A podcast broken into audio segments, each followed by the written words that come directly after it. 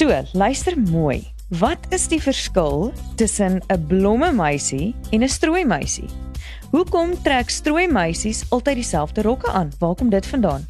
Wat is 'n best man en 'n bridesmaid in Afrikaans? En wat op aarde doen 'n hofknapie op 'n troue? Dis tyd om uit te pleis wie's wie by tradisionele troues. Hoe nou? Met Suan Miller Maree en Gerard van Huisteen. Hoe nou word moontlik gemaak deur afrikaans.com. Jou tuiste vir alles oor Afrikaans. Kyk, ons trek by ons laaste aflewering oor interessante woorde en gebruike tydens troues en hierdie een is seker die een wat die meeste verwarring onder mense saai. Gerard, was jy al 'n best man by iemand se troue? Uh nee wat ek kan onthou nie. Ek dink net 'n grooms, een van die groomsmen was ek gewees. Ek dink nie ek was ooit 'n best man gewees. Maar wat is die verskil tussen 'n groomsman en 'n best man? Kom ek toets eers 'n bietjie jou kennis. Want ons wil nie net weet wie is wie in die bruidsgevolg nie, maar veral dan ook wat die Afrikaanse terme daarvoor is. Okay. Maar wat is 'n bruidsgevolg? Is dit nou 'n wedding party in Engels? Ja, pleb soos jy, uh verwys seker maar na die wedding party, maar as jy deftiger wil wees, Ja. dan is dit nou eintlik die bridal train. Ja, en is 'n term wat ons al hier uit 1562 in Engels kry. So dis die eintlik die bridal train. Maar nie die bruidstrein nie. Dit die die bruidsgevolg is die bridal train. Presies. Ja, hierdie goed kan verwarrend raak. Die luisteraars moet maar notas maak, hoor. Presies. Ek het ook pragtige prentjies geteken hierso. Goed. So laat waai nou maar met jou al ewige vasvra en dan sal ek verdere vrae vra. Okay, wie is die belangrikste twee persone by 'n huwelik? Die bruid en die bruid se ma. ja, jy sal natuurlik graag so wil dink, maar eintlik is dit die bruid en die bruidegom. En ons het nou al in 'n vorige episode wat uh, beskikbaar is by afrikaans.com op hulle webwerf, het ons al gesels oor waar bruid en bruidegom se name vandaan kom. Mm Nou, goed, naas hulle dan nou sekerlik die bruidsmoeder, die mother of the bride Yes. en die bruidegom of die bruidegom se ma. Hoekom sê jy bruidsmoeder maar jy sê nie bruidegomsmoeder nie? Dog ek is die ene wat die vraag moet vra asseblief. so aan. Goed. Ek het in korpusse en woordeboeke gesoek en om die eerlike waarheid te sê, in Afrikaans praat ons eintlik net van die bruidegom se ma of die bruid se ma. Bittermin wat ons kry bruidsmoeder, die tradisionele term bruidsmoeder, bittermin en nooit bruidegomsmoeder nie. Ons kry byvoorbeeld hier's vir jou voorbeeldsin uit een van die korpusse, as die begroting egter 'n bietjie aan die knap kant is, kan jy altyd jou eregaste, dit wil sê strooi meisies, bruidsmoeder en strooi jonkers met 'n sak vol verrassings bederf. Dis priceless hierdie ou korpusse wat jy so vir ons bymekaar gemaak het van voorbeelde, nê. Nee. Dis baie interessant. So naas die bruidsmoeder is die eregaste die strooi meisies en die strooi jonkers. Wat van die bruid se pa of die bruidegom? Nee, wat hy moet net betaal, dis al. Dis waar, dis waar. En dit is dan nou die strooi meisies en die strooi jonkers in Engels is die bridesmaids en die groomsmen, nie waar nie? Nou so aan terwyl jy nou so lieflik die rolle omgeruil het, maar moenie dink ek sien nie wat jy doen nie. Uh kondig ek nou maar weer aan. So bly ingeskakel net na die advertensies. Vertel so aan vir ons wat 'n strooi meisie en strooi jonkers is en wat op aarde hulle met strooi te maak het. So hierdie advertensiebreek gaan 'n uur lank wees in plaas van net 30 sekondes, hoor? Afrikaans is so lekker soos koeksisters, braaibroodjies en kondensmelk koffie. Dit is jou taal. Dit is wie jy is en hoe jy leef. Daarom nooi ons jou. Kom skryf saam aan die toekoms van Afrikaans. Vir gratis leerhulp, taalnuus, vermaak, speletjies en meer. Besoek www.afrikaans.com en volg ons op sosiale media. Koop dit, lees dit, praat dit, leef dit. afrikaans.com. Jou tuiste vir alles oor Afrikaans. Jy luister na Hoe nou met Gerard en Swan en Swan en Swan. Ons is uiteindelik terug nadat ons 'n uurlange produksiebreek gevat het, maar ek het darm die uur gebruik nie om navorsing te doen nie, maar vir Gerard te oortuig om weer sy rol in te neem as eregas in hierdie bruidstrein. Nee nee nee nee nee nee. In hierdie bruidsgevolg of wedding train. Bridal train. Bridal train. Ja. Uh, maar ons gaan later agterkom dat dit nie noodwendig 'n goeie ding is om deel te wees van die bruidsgevolg nie, nê? Nee? Maar laat ek dinge nou nie vooruitloop nie. Ons is terug en ons gesels vandag oor die bruidsgevolg by troues en net vir die breek het ons dan nou gehoor dat strooi meisies en strooi jonkers deel van die eregaste by 'n troue is. So wat is hulle in Engels en wat het hulle met strooi te maak? Goed. Hier's nou waar jy moet kop hou, want nou is daar hierdie hiërargie, né? Nee? So bruid en bruidegom. Aan elkeen van hulle se kant Mhm. is daar in volgorde. Aan die bruid se kant, bruidsmeisie, Okay, wag, ek net neerskryf. Ja. strooi meisie en blomme meisie. So dis bruidsmeisie belangrikste, dis die maid of honor. Is die bruidsmeisie. Nou die term bruidsmeisie is dalk 'n bietjie verouderd. Mense verwys meer gereeld na die hoofstrooi meisie. OK.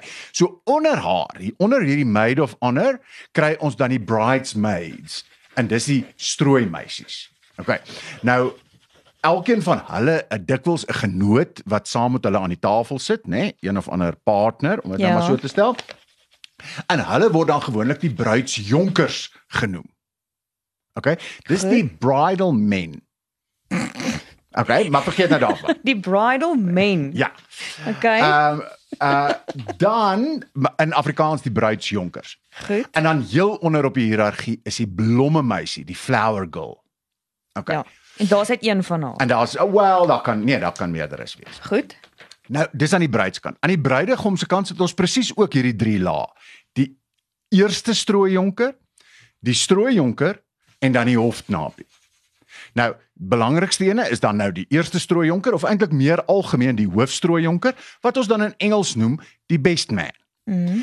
Onder hom is dan die strooijonkers, die groomsmen en dan heel onder op die lys gelykstaande aan die blomme meisie is die hofknapie wat dan in Engels die ring bearer is of Ah. ah. ook genoem word 'n usher want hulle is eintlik die knapies die, die hofknapies wat vir almal moet wys waar hulle moet sit en programmetjies uitdeel en so aan dis eintlik hulle werk of om die ring aangedra te word dis 'n hofknapie in Afrikaans So interessant dat jy nou genoem het van die bruidsjonkers of die bridesmen onder die bruid se Ja, so- gevolg.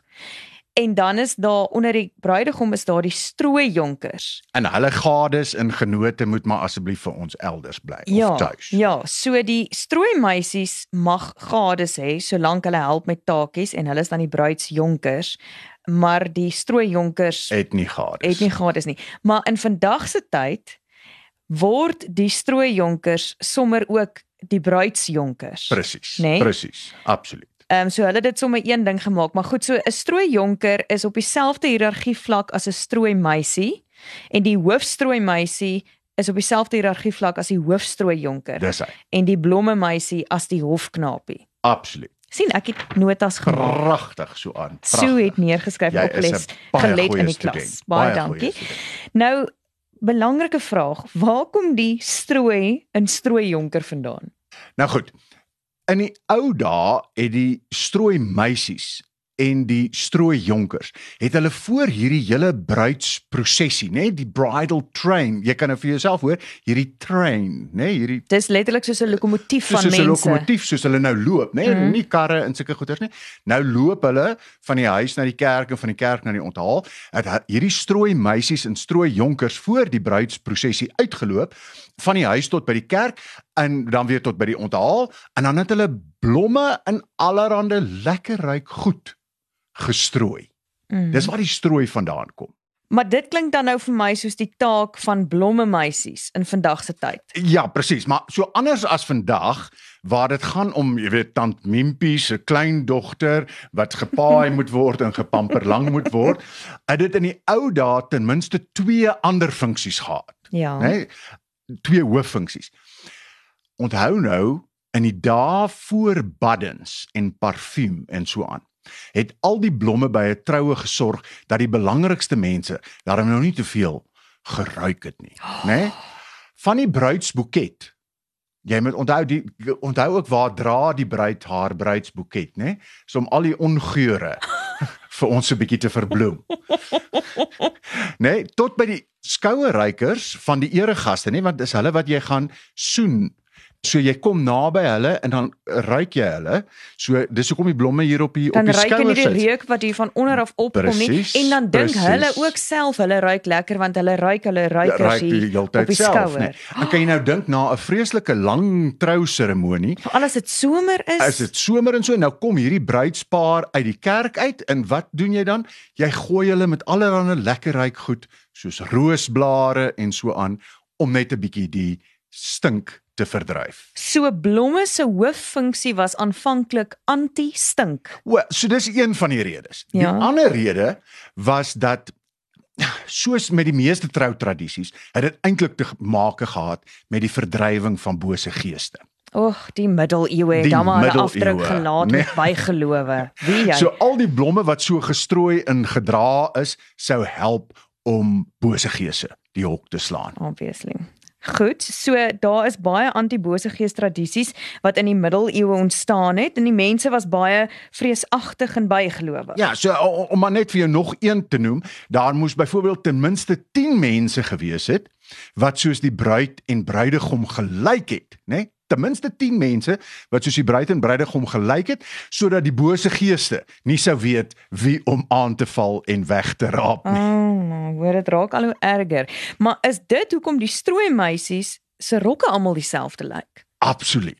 Nou, so in die ou dae het die strooi meisies se rokke nou ook nog soos die bruidsin gelyk, né? Nee? Want hulle was almal bang daar moes verwarring gewees het oor wie moet weggeraap word deur hierdie booste geeste. En eh, so aan in sommige Noorse kulture moet hulle tot vandag toe nog ook die blomme meisies almal hulle hare om een of ander rede in 'n bob sny vir die troue. So jy dra nie net dieselfde klere nie, jy moet ook nog jou hare in dieselfde styl sny. 'n Mens sou net hoop dat die bruidegom nie verward raak oor wie is nou eintlik sy bruid as daar 11 van hulle is nie. Wel, dank is dit een van die voordele daarvan. Hy kan per ongeluk met 'n mooier enetjie trou, nê? Precies. En afhak. en omdat jy sê afhak, is dit tyd vir luisteraars terugvoer.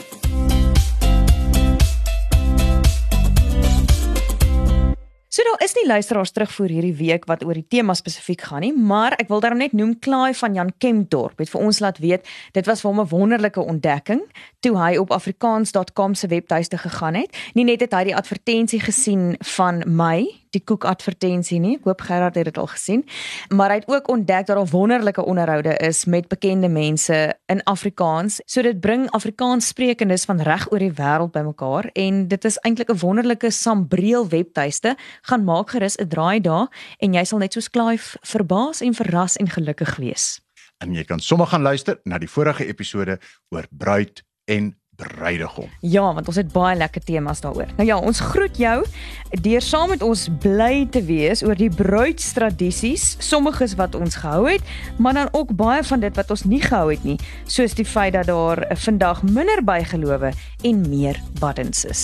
Tot volgende keer. Totsiens. Hoe nou is saamgestel en aangebied deur Suan Miller Maree en Gerard van Huisteen en word moontlik gemaak met die tegniese ondersteuning van Marula Media en die finansiële ondersteuning van afrikaans.com. Jou tuiste vir alles oor Afrikaans.